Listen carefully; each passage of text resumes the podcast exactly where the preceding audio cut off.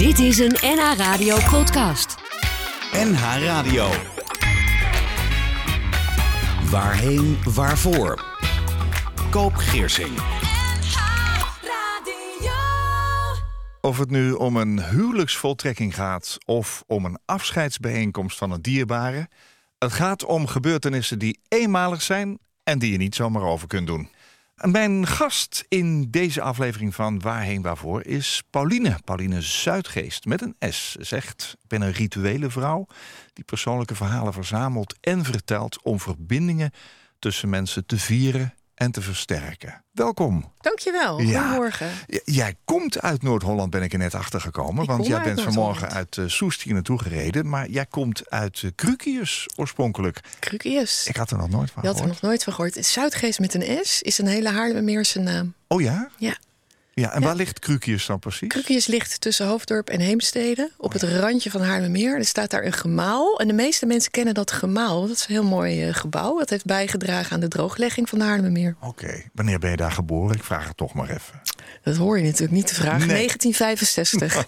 Ik heb vorige week mijn 55ste verjaardag gevierd. Van harte nogmaals. Dankjewel. Ja, ja, ja, ja. Je bent een stuk jonger dan ik hoor. Dus dat is Oh, eh, alleen maar mooi. Hè? Ja, ik ben van 57. Maar het is wel fijn voor eh, de luisteraar. Die kan dan ook een beetje inschatten van eh, wie er tegenover me zit. Ja. Hele vrolijke vrouw moet ik zeggen. Als ik zo vrij mag zijn. Dankjewel.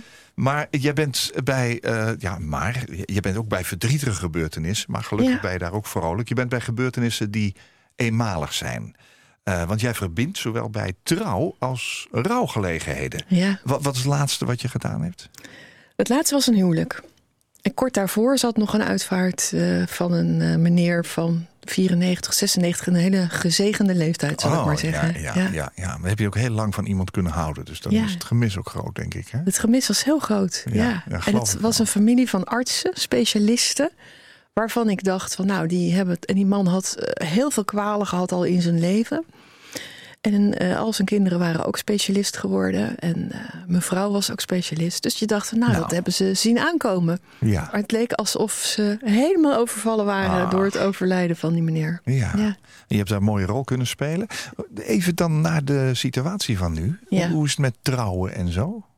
Op dit moment, eh, ja, in, in mijn klantenkring, zeg maar. Ik ben zelfstandig Mhm. trouwambtenaar. Dus mensen huren mij. De eerste in Nederland was Ja. jij. 2005, toch? Ik was de eerste in Nederland in Ja. 2005. Dat is bijzonder.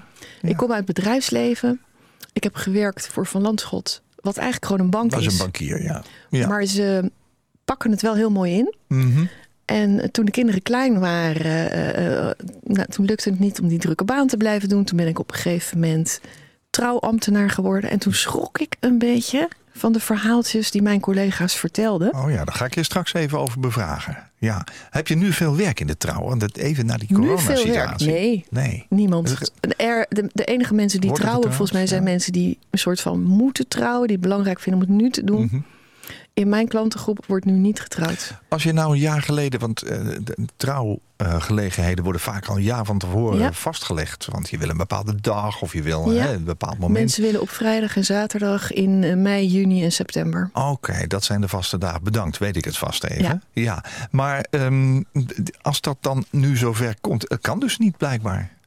Kun je dat zomaar afzeggen? Kun je dan zomaar zeggen, van, doe even niet? Nou ja, er gebeuren natuurlijk allemaal dingen die je niet kunnen en die je niet wist en die je niet in je algemene voorwaarden hebt staan. Ehm, dus mensen eh, schuiven door. Ja, In mijn, ik, daar heeft bij mij niemand geannuleerd. nee. En, en mensen zeggen dus, maar eh, mensen hebben van april naar september doorgeschoven. En horen dan nu van ja, september mag misschien wel, maar anderhalve meter, niet meer dan zoveel gasten. Ja, 30 zeker. Laten we nog maar een keer doorschuiven. Dat doen ze dan Dus op dit moment wordt er eh, vooral doorgeschoven naar voorjaar 21. Ja, dan, Ja. dan pas. Ja, echt En dat betekent dus dat er eh, weinig verdiend wordt in de branche. En dat is. Ja, een, een lastig. En zeker als je een bedrijf hebt dat ook veel. Ik, ik, maak, ik heb geen kosten, ik werk vanuit huis. Mhm. Dus dat valt wel mee. ja. Maar als je een grote locatie hebt, je hebt een hoge huur, je hebt veel personeel. Nou ja, Ja, die drama's die eh, maken we bijna elke dag mee hè, Ja. in het nieuws. Ja, dat is waar. Pauline Zuidgeest zit naast mij. Zij is ceremonieel spreker, nieuwsgierig naar wie mensen zijn en wat hen beweegt Hoe ze gekomen zijn tot waar ze zijn op dit moment. En wat ze overwonnen hebben. Waar ze naar uitkijken. Welke mensen in hun leven een bepalende rol hebben gespeeld en waarom. Pauline geniet van gesprekken met bruidsparen, maar ook met families van overledenen of met mensen die weten dat ze gaan overlijden. En vandaag is zij mijn gast in Waarheen, Waarvoor. Pauline, je noemt jezelf, ik heb het al even gezegd, een rituelenvrouw. Ja. Waarom en wat is dat, wat jou betreft? Nou, ik hou van rituelen. Ik vind het mooi om momenten ehm, te markeren. En het kunnen hele grote momenten zijn, Mhm. zoals een huwelijk of een uitvaart. Dat zijn natuurlijk grote levensmomenten die je markeert met een ritueel.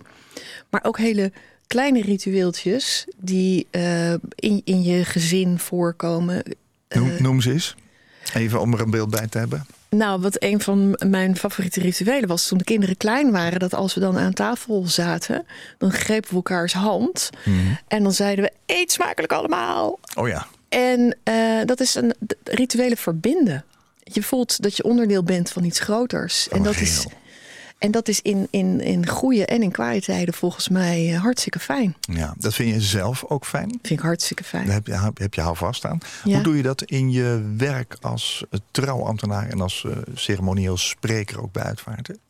Hou je er altijd rituelen bij? Is het voor Nee, jou het is, voorwaarde? niet, het is niet dat ik altijd overal rituelen bij haal. Dan gaat het me weer een beetje tegenstaan, eigenlijk. Je hebt mensen die vinden dan dat je Geen rond- dus. rondjes om een boom moet rennen of zo. Of, Ja. of, of dat soort dingen. Da- Daar ben ik helemaal niet van. Maar soms, ja, dan verzinnen we iets met elkaar. Het kan heel mooi zijn bij een huwelijk om bijvoorbeeld, zeker in kleine groepen, om de ringen in een mooi doosje rond te laten gaan. En eh, eh, die een soort van op te warmen door aan mensen te vragen van nou, kijk er maar even naar, dan zie je ze goed. En, en eh, Oh, de- door de hele zaal bedoel door de hele zaal. Oh ja? En geef ze maar een, een wens of een mooie gedachte mee. Ja. En sommige mensen die vinden dat fantastisch, die willen dat heel graag. En anderen zeggen, nou nee, doe dat maar niet. Oh, je legt het wel voor. Soms. Oh ja. Ik, ik, ik eh, werk heel erg intuïtief. En dan denk ik van, oh, dat zou wel leuk zijn voor deze mensen. Ja. Ik, ik gooi het eens op. ja. Of ik vraag eens van, hebben jullie behoefte aan? En, en dan merk je al heel snel of het mensen zijn die heel graag een soort van, nou, keurig willen hoe het hoort. Of dat het mensen zijn die zeggen, nee, we willen er heel graag een eigen draai aan geven. Of als mensen uit meerdere culturen komen, nou, wat kun je meenemen uit jouw cultuur om, eh, om er echt jullie huwelijk van te maken? Ja, komt er wel eens een ritueel voorbij waarvan je zegt, die kende ik niet? Of die, die, daar heb ik van geleerd? Of iets wat je ter plekke bedacht hebt? Eh, ik heb een keer een Russische bruid gehad en die bracht vuurbieten mee. Vuurbieten? vuurbieten. Ik denk, en die had ze, zoals in Oostenrijk, deels opgegroeid. Daar had ze ze meegekregen. Ik Wat denk dat ze uit de kerk komen als een soort voorbeden. Ja. En dat zijn hele korte wensen die een aantal geselecteerde gasten uitspreken. Dus van tevoren benader je een aantal gasten. Oh ja. Voorbeden, vuurbieten. Ja. En die. Ik dacht dat het dingetjes waren. Of zo, bietjes. Die, ja, die Geen rode bietjes, maar vuurbietjes. Ja, zoiets. Ja, Ja, die, nee. die in de brand gestoken worden. Korte wens. En er staan er een aantal mensen staan kort na elkaar op. En de, die spreken eh, twee regels uit. En eh, dat is hartstikke leuk. Ja, een ritueel verbindt, zeg jij, hè? Ja, vind ik wel. Ja, vind jij? Hoe wordt het ervaren als je rituelen inzet? Ehm, ik moet ineens denken aan eh, dat ik ook een keer met twee vrouwen. Een, eh, en die, dat was een verrassingshuwelijk. De gasten wisten niet dat er getrouwd ging worden. Dus de gasten kwamen op de 40ste verjaardag van een van de twee vrouwen. Ja.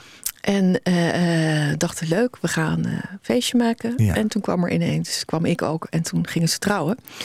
En eh, dat geeft vaak heel veel gedoe. En we hadden bedacht dat we dat in goede banen gingen leiden. Met een, en, en dat we die mensen letterlijk met elkaar gingen verbinden. Het was eh, ver voor corona. Dus mensen gingen op een bepaalde manier staan en elkaars hand vasthouden. Toen kon dat nog, ja. Dat kon. En had ik, hadden we een heel soort van heilig beeld bij. Mhm. Toen gingen mensen staan. En toen werd het een soort hilarische toestand. Want ze dachten dat ze een soort polonaise gingen doen. En die heilige sfeer die wij voor ogen hadden, werd heel hilarisch. Maar nadat de alle opwinding weg was, kwam alsnog die, die soort van heiligheid. En het werd echt prachtig. ja. En dat verbindt. Ja. Mensen zijn samen, ze maken samen iets mee. Wisselt het trouwwerk eh, met jou zeg maar ongeveer gelijk af met het rouwwerk? Nee, ik ben uh, begonnen met trouwen. Ik heb veel meer aandacht gekregen met trouwen. Toen de kinderen klein waren, was trouwen goed in te plannen. En rouwen, dat, dat is nee, toch dat wat... komt, ja. Dat komt. Ja. Dus uh, ik heb daar ook echt mee gewacht tot de kinderen groter waren. Jij weet vaak een jaar van tevoren waarschijnlijk al hoe je agenda ja, ik eruit heb, ziet. ik heb nu... Ik een week. Mijn verste afspraak staat op oktober 21. Zo.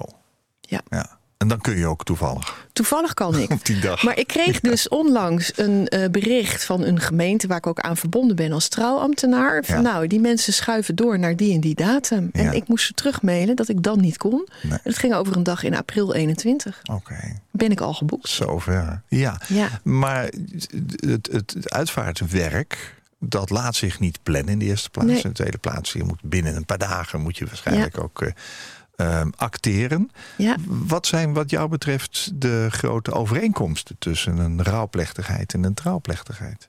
Het zijn mensenlevens. En het gaat, het, het, het gaat over. Het is het verhaal van mensen. In het ene geval is het één mens, in het andere geval is het een stel.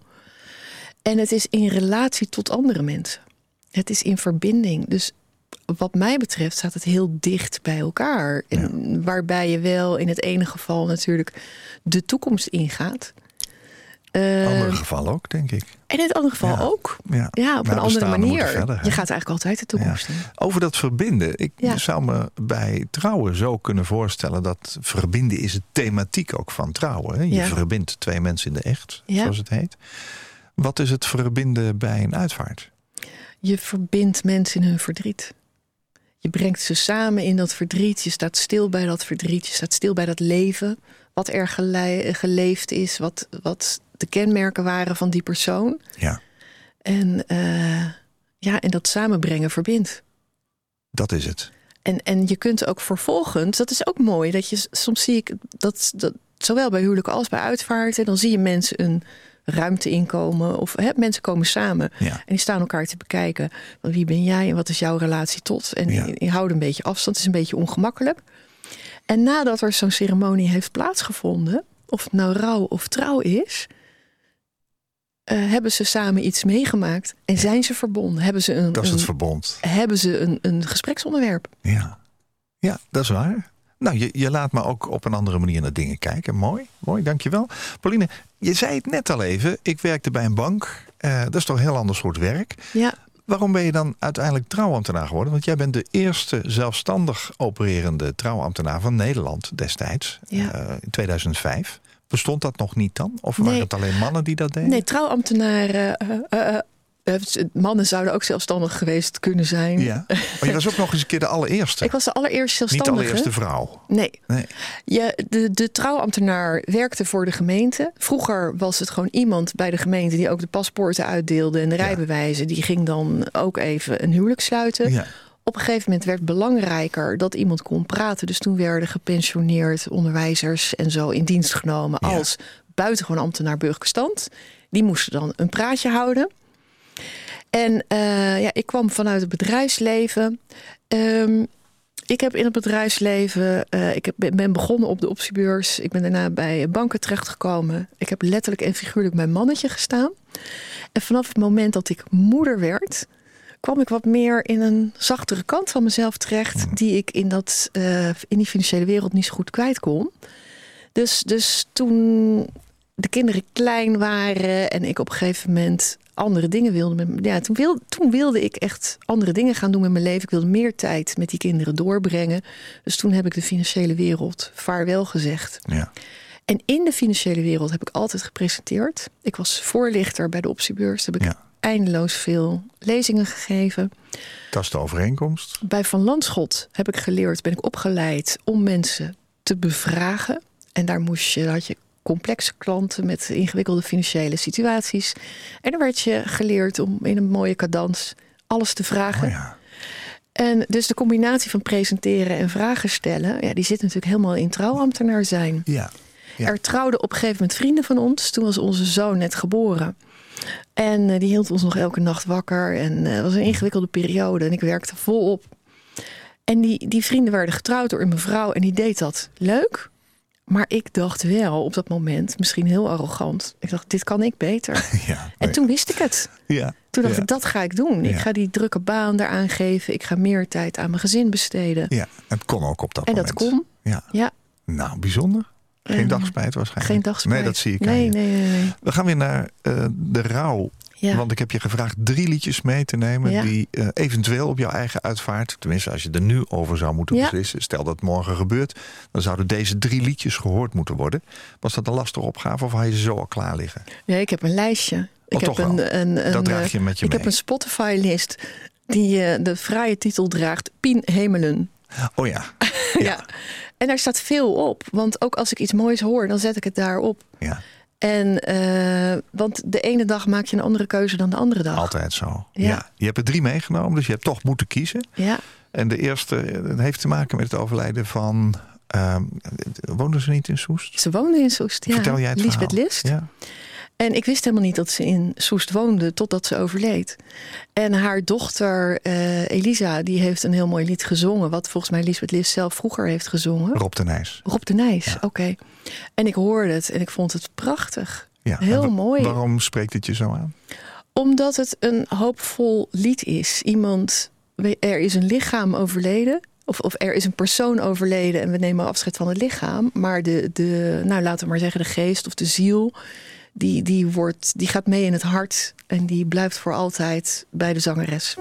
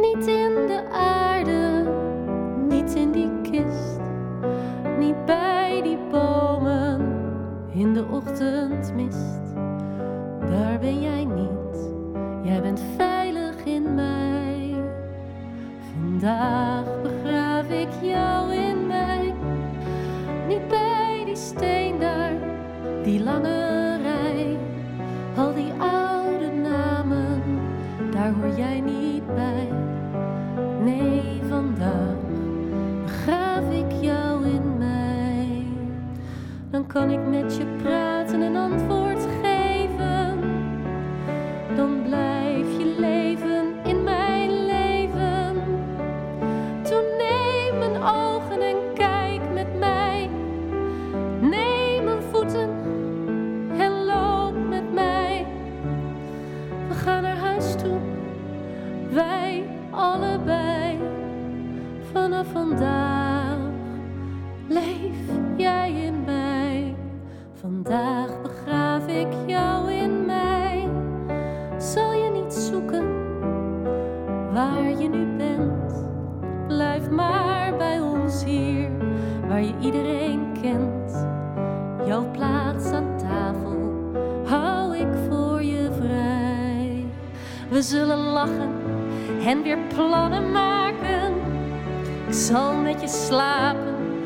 met jou ontwaken. Neem mijn mond en lach met mij. Neem mijn handen en voel met mij. Wat je nog doen wou, doe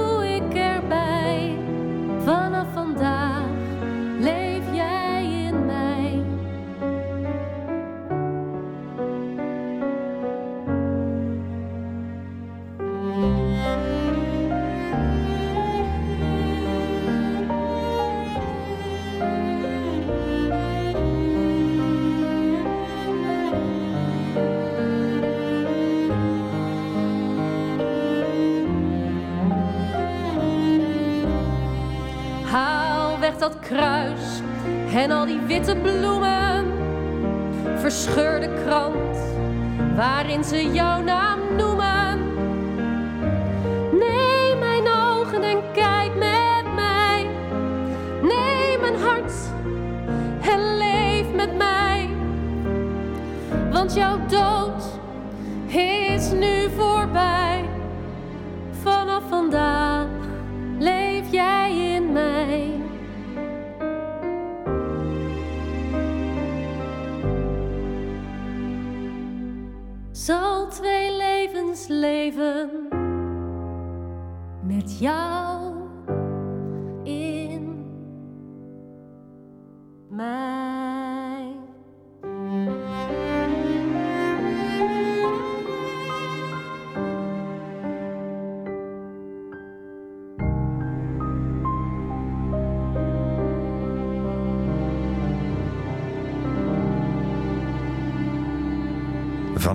Vandaag heet het Elisa Baaiens, de dochter van Lisbeth List, als ode aan haar moeder, die op 25 maart jongsleden overleed. En Elisa schrijft: We hebben, gezien de huidige omstandigheden, afscheid van haar moeten nemen zonder een uitvaart die haar zo was gegund, die bij haar zou hebben gepast. Bij wie ze was, de Lisbeth List, die zoveel heeft geraakt als chansonnière. Nou, dat klopt. En dat is ook verdrietig. Maarten Peters en Belinda Muldijk schreven het destijds voor Op de Nijs. En die bracht het weer in 2004 uit. En Maarten Peters zong het in 2014 tijdens de uitvaart van Lisbeths echtgenoot Robert Braaksma. Dus het is een aardig verhaal, dit nummer. Mooie, mooie tekst. Die eigenlijk zegt dat je afscheid neemt van een lichaam... maar nooit van iemand. Hè? Ja, die iemand neem je mee. Die, heb je voor altijd bij je. Ja, ja. Een mooie gedachte. Ik ga even terug naar jouw jeugd. Je bent in 1965 geboren, dus een, een kind van de jaren 60, 70, zullen we maar zeggen. Ik denk dat de leukste liedjes uit de jaren 70 komen bij jou, hè, in je gedachten. Omdat dat is vaak zo als je 12, Ja. 13 bent. Ja. En wat wilde je ooit worden? Want je kon niet zomaar bij een bank terecht. Ik kan me niet voorstellen dat iemand zegt... eh, nou, wil ik bij wil later bij een bank werken. Nee, ik wilde ehm, stewardess worden. Hmm. Reizen, ontdekken. Oh ja. Heb je het gedaan? Maar ik was te jong. En eh, eh, toen wist ik eigenlijk niet zo goed wat ik dan ging doen. En ik was leergierig. Maar ehm, ja, het gezin waar ik uitkwam was niet een gezin waarin er werd gezegd... nou meisje, ga maar studeren. Sterker nog, ik zou wel gaan trouwen en kinderen krijgen. Dus nou ja, als je een goede baan hebt, is het goed. En een bank was goed om te werken. En Ja. wat mij daarin aansprak, was dat banken goede opleidingsfaciliteiten hadden. Oké. Dus Dat is mijn, wel een i- eigen keus. mijn idee was, ik ga bij een bank werken. Daar ga ik allemaal opleidingen doen. En dan kan ik me daar verder ontwikkelen. Ontwikkelen is altijd wel iets wat in mij zit. Ja, nog steeds. Nog steeds. Ja, ja. Nou ja, je hebt ook verteld hè, dat op, op enig moment, het was eh, februari 2005, eh, 15 jaar geleden, start je dus als eh, eerste zelfstandig trouwambtenaar van Nederland. Want Ja. dat bestond blijkbaar toen nog niet. Nee, En je vertelde al even, je schrok van standaardpraatjes. ja. Wat, wat trof je aan en waarom dacht je dat kan ik beter? Wat, wat, eh, Ik wat heb vond je nou, wat, al- wat stond je tegen? Wat me tegenstond, dat, dat, dat ken ik ook van uitvaarten. En dat kwam ik ook tegen bij huwelijken tot mijn grote schrik. Dat het niet waardig is. Dat het geen recht doet aan de mensen die er zijn. Dat het standaard verhaaltjes zijn over scheepjes op woelige baren en rotsen in de branding. En dat die verhalen compleet eh, inwisselbaar zijn. Het maakt niet uit wie er zit, wie er ligt, wie er. Eh, en dat vind ik verschrikkelijk als het niet waardig is. Ik hou ervan dat eh, mensen recht wordt gedaan. Ja. En, en dat het verhaal persoonlijk is, dat het herkenbaar is. Ja. Dat je na afloop van de uitvaart of van de huwelijksceremonie... dat je denkt, hé, hey, ik heb toch nog die persoon eigenlijk wat beter leren kennen. Of die personen. 15 jaar geleden was dat waarschijnlijk ook nog anders. Ook in de uitvaartbranche.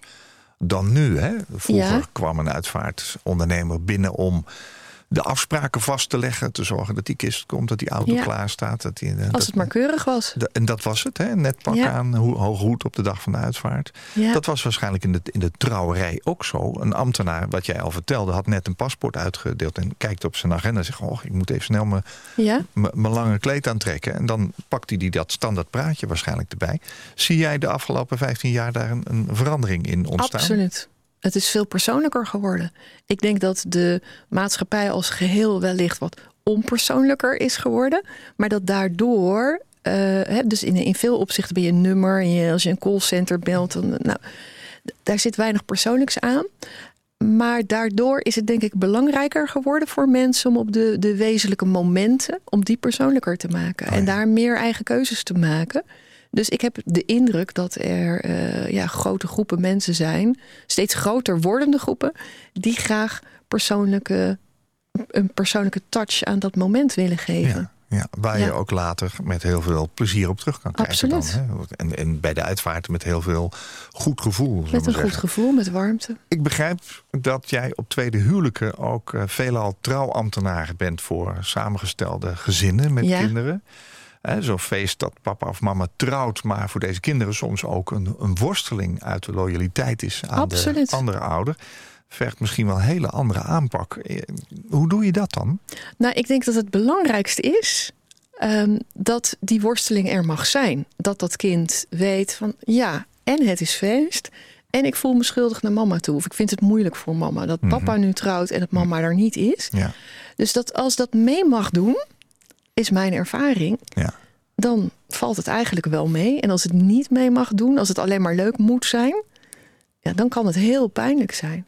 Maar bijvoorbeeld een zinnetje zeggen tegen een kind als: Jij mag zelf weten van welke papa of mama jij hoeveel houdt. Dat is helemaal aan jou. Daar ben je vrij in. Hm. Is, is al genoeg. Je hebt deze tekst op je website staan. Ja. eh, waardoor ik denk dat je er ook eh, goed in bent. Eh, Trek je het naar je toe? Komt het automatisch op je pad? Komt op mijn pad. Ja, Ja. Heb je Ja. ervaring op dat gebied? ja ik ben zelf gescheiden. En eh, wij zijn pas gescheiden. Wij zijn pas vier jaar gescheiden. Toen waren de kinderen al wat groter. Jij hebt twee kinderen? Ik heb twee kinderen. Mhm. Een dochter van nu 22 en een zoon van 20. Ja. Die zoon is ziek, hè? Mijn zoon is ziek. Ja. Ernstig Heeft, ziek. heeft ook iets ernstigs. Jij verzorgt hem samen met jouw ex-man. Ja. Hoe gaat het nu met hem? Hij eh, heeft kanker. Hij zit in een traject van chemo's. En hij heeft wel gelukkig hele goede prognoses. En eh, ja, zit in dat traject met alle klachten die daarbij horen. Een kaal koppie. En eh, dat, dat is zwaar. Het is zwaar voor hem. Het is zwaar om te zien dat je kind zo'n Ja, traject... Wat doet het met jou als moeder? Oeh, als je dat vraagt, dan schiet ik vol. Ja. Dat doet het met Ja, me. Dat raakt diep. Philip heet hij. Hij heet Filip. Ja. Want je wilt liever zelf daar gaan liggen in die rotzooi in je lijf... dan aan te zien dat dat bij je kind gebeurt. Maar goed, er is geen keus. En eh, ja, De vooruitzichten zijn positief. de vooruitzichten zijn positief. Ja. Absoluut. Teelbalkanker komt veel voor, of niet veel voor. Het is eh, 800 keer per jaar geloof ik in Nederland. Maar is eh, goed behandelbaar. Oké. Heeft hij Dus pijn? Daar houden we ons aan vast. Hij heeft op dit moment van de chemo's eh, enorme pijn in zijn vingers. Hele Mhm. gevoelige vingers. Oh ja. En eh, nou ja, en zoals hij zegt, mam, het voelt alsof ik een vreselijke kater heb. Maar, en zo voelt het elke dag. En die feestjes die komen maar niet. Dus eh, ja, het is een lastig proces. Maar Ja. hij doet het goed, vind ik. Nou. Ja, Krachtig positief, iemand. krachtig. Ja. Zo ben jij ook volgens Zo ben mij. ik ook. Ja, Ja. zeker. Toch, je vertelde dat je eh, vier jaar geleden gescheiden bent. Ja, Ehm, dat is ook rouw, hè? dat is ook rauw. Ja, zeker. Zou je kunnen zeggen dat je daardoor beter begrijpt... eh, als iemand voor een tweede keer gaat trouwen... hoe je omgaat met nou ja, de kinderen en dat soort zaken? Omdat je zelf die ervaring hebt? Ik denk, ja, ik denk zeker dat ervaring, maar sowieso levenservaring. Le- Dat is een levenservaring. door ziekte, ja. door rouw, door scheiding. Dat levenservaring verrijkt je als mens. Mhm. En zorgt ervoor dat je je beter in andere mensen kunt verplaatsen. Ja. En eh, ja, dat helpt absoluut. Kom je dingen tegen die je heel erg herkent van jezelf? Ja, natuurlijk. Ja. En ik kom ook lastige dingen tegen. Ik kan me herinneren dat, dat, eh, dat ik zelf met mijn ex, eh, zeg maar in de periode dat wij aan het scheiden waren en bij de mediator zaten. En dat ik een ontzettend leuk stel trouwde. En, en eh, haar ouders, geloof ik. Ja, dat was een heel. Dat was een heel warm nest. Die mensen hadden het samen heel goed. En die zaten samen hand in hand te glunderen op die ceremonie en hun trots naar hun dochter te kijken. En, en in dat hele beeld dacht ik van ja, dit ga ik zo niet meemaken. Dat raakte me enorm.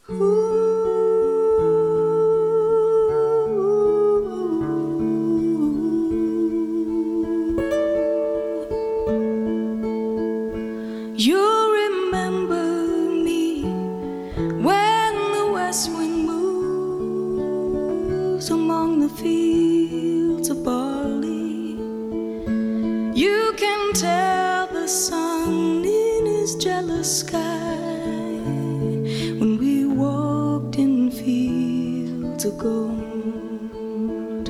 So she took her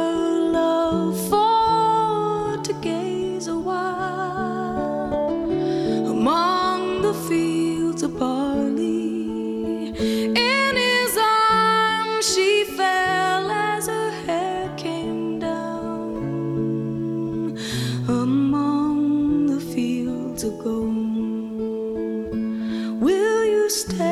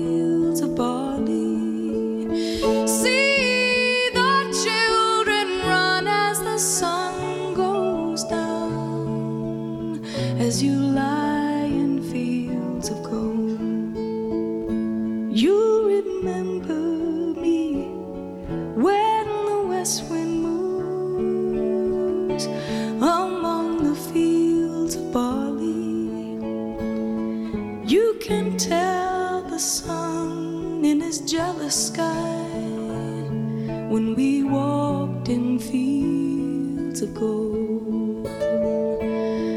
When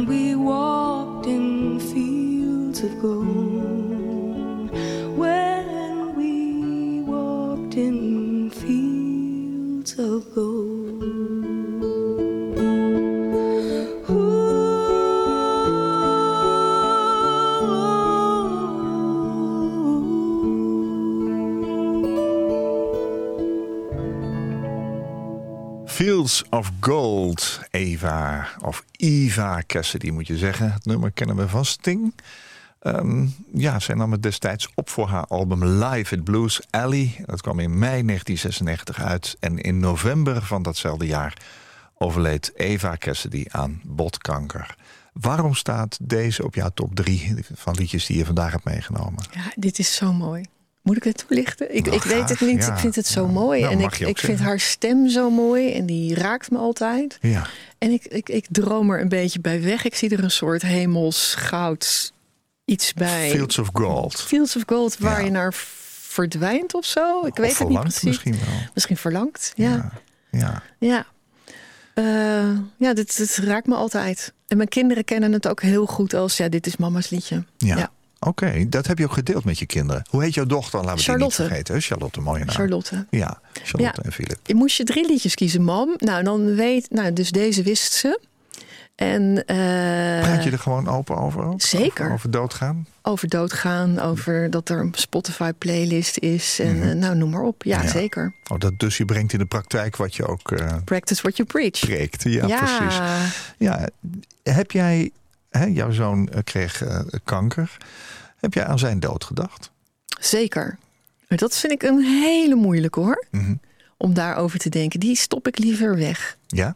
Ja, Ja, maar je doet het toch. Hè? Je ligt dan s'nachts in bed misschien wel aan te ja. denken. je ligt daar absoluut aan te denken. Zou En je dan is- zelf ehm, optreden zoals je dat nu bij anderen doet? Nee. Nee. Ik zou wel een verhaal houden, denk ik. Ehm, maar ik zou niet een, ehm, een afscheid willen leiden. Nee. Nee. Nee. nee. Want daar moet je sterk voor zijn. Ja. En ik kan, ik ben een, denk, ik denk dat ik een sterk iemand ben. Ja. Maar op zo'n moment, Totdat het jezelf betreft. Hè? op zo'n moment zou ik het eh, verdriet willen voelen. En zou ik eh, eh, willen voelen wat er dan te voelen valt. Andere rol. Andere rol. Ja.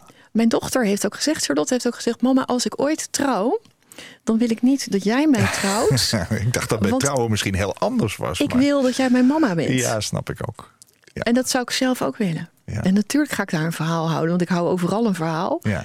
Maar eh, ik wil dat niet dragen. Nee. Nee, Heb je met Philip over gesproken? nee. Nee. Hij wil daar ook niet over praten. Nee. We gaan er ook Nou, we vanuit... hebben wel een. mm, Nou, we hebben wel eh, kort iets besproken. En eh, dat ga ik niet vertellen. Nee. Maar ehm, niet uitgebreid en dat wil hij niet. Nee. Nee. Het is ook, Hoopvol. het is ook oké. Ja. Ja. Ehm, verdriet en rouw. Ja. Je, je vertelt, je bent eh, gescheiden. Je, je, hebt, je ervaart rouw van eh, die scheiding. Zoals je rouw ook kunt ervaren bij het verlies van werk of gezondheid. Of wat Ja. dan ook. Zeker. Hoe, hoe, hoe voelt dat nu, vier jaar later? Ehm, het voelt als een periode die mij eh, ja, als mens verrijkt heeft, als ervaring. Maar ik, ik heb het eh, lastig gevonden in dat hele proces van scheiden. Wat is dan de Ik verrijking? vind het een. Want dat klinkt zo positief. Ja, dat klinkt heel positief. Maar ik vond het een heel eenzaam en eh, lastig proces. Ik heb een vriendin die weduwe is. Wij hebben daar met elkaar veel over gesproken. En eh, de schraalheid van het scheidingsproces is dat het zo'n lastig proces is. En het lijkt wel alsof mensen bang zijn om daarmee besmet te raken. Dus dat veel mensen een stapje achteruit doen. Terwijl als je man overlijdt, dan word je gedragen door een gemeenschap. Dan komen mensen pannetjes soep brengen. Dan is er een mooi ritueel waarin je afscheid neemt. Oh ja, de mensen eromheen reageren dan anders. Ik heb het, ja, Wat heb jij meegemaakt dan? nou, ik heb meegemaakt dat mensen waarvan ik dacht dat het vrienden waren, bevriende stellen, ehm, bang waren, denk ik, om te kiezen tussen mijn ex en mij. En Hmm. dus een stapje achteruit deden. Van nou, we gaan ons hier niet aan branden. Terwijl zonder dat ze een oordeel geven over. Ze hoeven niet te kiezen. Ze moeten gewoon een arm om je heen slaan. En dat moeten ze aan twee kanten doen. Ja, is dat goed gekomen of zijn, zijn daar ook... Dat zijn kennissen geworden. Ja, afgedreven, zeg maar. Afgedreven. Ja. Ja. Het is ook vaak heel moeilijk. Ik eh, merk dat ook in andere gesprekken met eh, gasten in dit programma. Dat ze zeggen van ja, in de rouw word je ook heel vaak eh, toegesproken op een manier die hard of pijnlijk binnenkomt. Ken je dat? Ja. Maar die natuurlijk nooit zo bedoeld is. Ja. Ja, dus de kunst is inderdaad om, nou ja, je te realiseren. Sowieso ga ik daarvan uit dat mensen het heel goed bedoelen. Ja, Maar het moeilijk vinden, lastig. Wat moet ik dan zeggen? kunnen het heel dan- lastig vinden. Ja. En dat merk ik ook nu met de ziekte van mijn zoon, waar ik natuurlijk middenin zit. Dat mensen, ehm, en met name mensen die iemand verloren zijn aan kanker, Mhm. merk ik. Ja. Die reageren heel heftig. En die, oh wat verschrikkelijk. En, en, nou ja, en, en maken het daarmee voor mijn gevoel soms groter, sterker dan dat ik het ervaar. En dat kan lastig zijn om mee om te gaan. Ja. Wat zou je tegen ze zeggen als je ze zou mogen adviseren? Als Eh. je te maken krijgt met, met iemand die enorm in rouw zit, of dat nou uit, eh, ja, voortkomt uit het verdriet van verlies van een, een persoon of, of anderszins. Mhm. Wat zijn goede dingen? Wat, wat kun je wel doen? Want een arm om je heen, wat betekent dat in werkelijkheid? Het betekent steun. Eigenlijk zou de vraag, zou, zou het bericht moeten zijn volgens mij... ik denk aan je, Mhm. hoe kan ik je helpen? Oké. Ja. En we hebben de neiging om het heel groot en heel ingewikkeld te maken. Maar Ja. volgens mij is de eenvoudige vraag: hoe kan ik jou helpen? Oh, ja. Ik zou je graag willen helpen, maar dat kan ik nu niet. Stel die vraag gewoon. Stel die vraag: hoe kan ik jou helpen? Ja. Nou, dat, dat is een goeie. Daar kunnen we mee verder. Goed zo. Jij, jouw verbinding in eh, het werk wat je doet aan de rouw- en trouwkant is verhalen vertellen. Ja. Waarom is dat zo belangrijk? Om te verbinden, zeg maar. Waarom is het zo? In het verhaal ben je samen. Je maakt samen iets mee. Ehm, het, het doet recht aan die persoon, aan die personen. Ehm, ik heb het idee dat ik nog niet helemaal precies daarop zit waarom het zo belangrijk is. Oh ja? Een verhaal delen, ja, daarmee maak je contact. Dan ben je samen. Ja. ja. Dat vergt ook veel voorbereiding, neem ik aan. Ja. Kan niet zomaar gaan staan en met drie woorden of een Nee, rouwkaart bij mij is ieder verhaal, een verhaal is altijd persoonlijk en er zit veel tijd en veel aandacht in. Ja. Ehm, want het is niet alleen het verhaal, het is ook hoe breng je het verhaal en Ja. in welke sfeer. En als je mensen goed leert kennen, Ja. ja. dan, dan kun je ook veel beter invoelen wat er wel en niet past. Staan mensen doorgaans open om alles maar te vertellen? Aan jou? Niet de mensen die mij kiezen, mensen kiezen mij over het Mm. algemeen. En ehm, Die doen dat ook met een reden, je die doen dat met een reden. Ja, ja. Ja, dus vaak vertellen ze wel veel. Vaak, soms vertellen ze meer dan ze verwacht hadden. ik hoor bij uitvaarten wel eens, als ik met mensen praat, dat er iets is waar ik moeilijk de vinger achter kan leggen. Ja, En waardoor ik op een gegeven moment altijd maar zeg: eh, eh, is er iets wat ik misschien moet weten? ja, En dan zie ik mensen wel eens onhandig om zich heen kijken. En, en, en dan komt er toch iets, nou ja, goed. Ik heb nog een broer die eigenlijk geen contact meer heeft. ja. Weet je, het is best moeilijk en kwetsbaar om met dat soort privé dingen bij je te komen. Die krijg Herken je dat? Dat herken ik, maar die, die krijg ik vaak wel. En ik ben eh, sensitief, dus op een gegeven moment... ik heb het gevoel dat, precies wat jij schetst... ik heb het gevoel dat hier iets is. Ja. Of, of ik heb het idee dat we hier vastlopen. Ehm, en dan geef ik ook aan van, weet je, je zou het kunnen vertellen... En dat betekent niet dat ik het moet gebruiken in dat verhaal. Maar Nee. het is wel fijn als ik die informatie heb. Ja, dat is ook zo. Ja, vaak liggen dingen ook heel gevoelig. Hè? Ja. Ehm, over de doden niets dan goed, merk ik heel vaak in de, in de woorden van mensen. Maar ik heb ook wel met heel veel respect en bewondering naar een zoon geluisterd. die over zijn moeder minder mooie dingen vertelde. maar wel dingen die in dat verhaal pasten. en die in de zaal ook herkend werden. Ja. Het hoeft niet altijd alleen maar fantastisch en hemelhoogjuichend te zijn. Kan ook niet, hè, Ik, denk ik. hou, Ja, ik, ik, ik heb de neiging om meer realistische verhalen te vertellen. Ja, Waarbij je echt niet alle ellende hoeft uit te vergroten. nee. Maar je hoeft het ook niet weg te stoppen en een heel positief verhaal te vertellen als een leven heel zwaar is geweest. Nee. Of als iemand niet zo leuk was in bepaalde opzichten. nee. De waarheid vertellen hoeft niet altijd te betekenen dat je een, een oordeel geeft over Nee. iemand. En sommige dingen kun je in een bijzinnetje vermelden. Waarmee je heel veel zegt, zonder het groot te maken.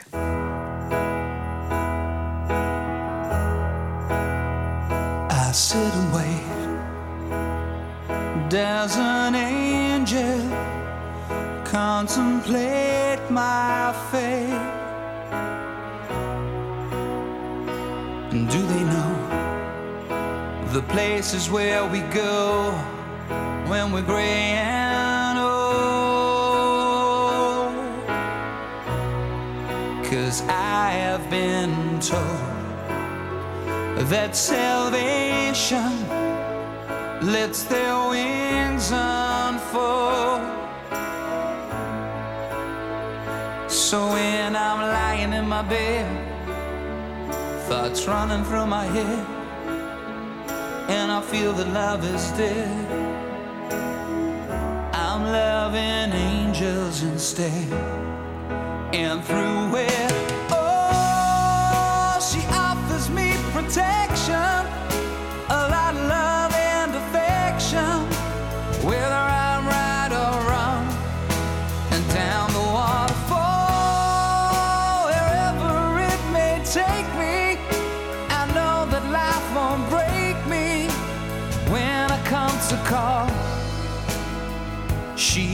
forsake me. I'm loving angels instead.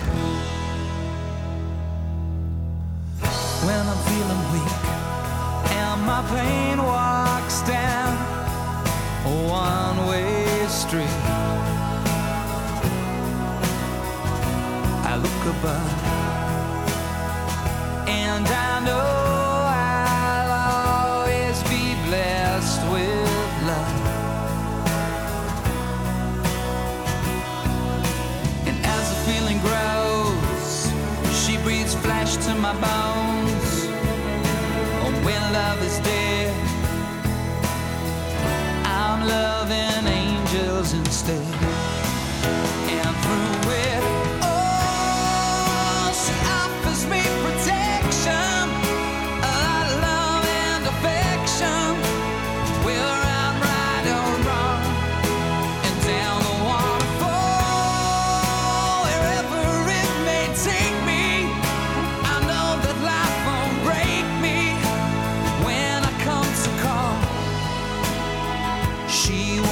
forsake me. I'm loving angels instead.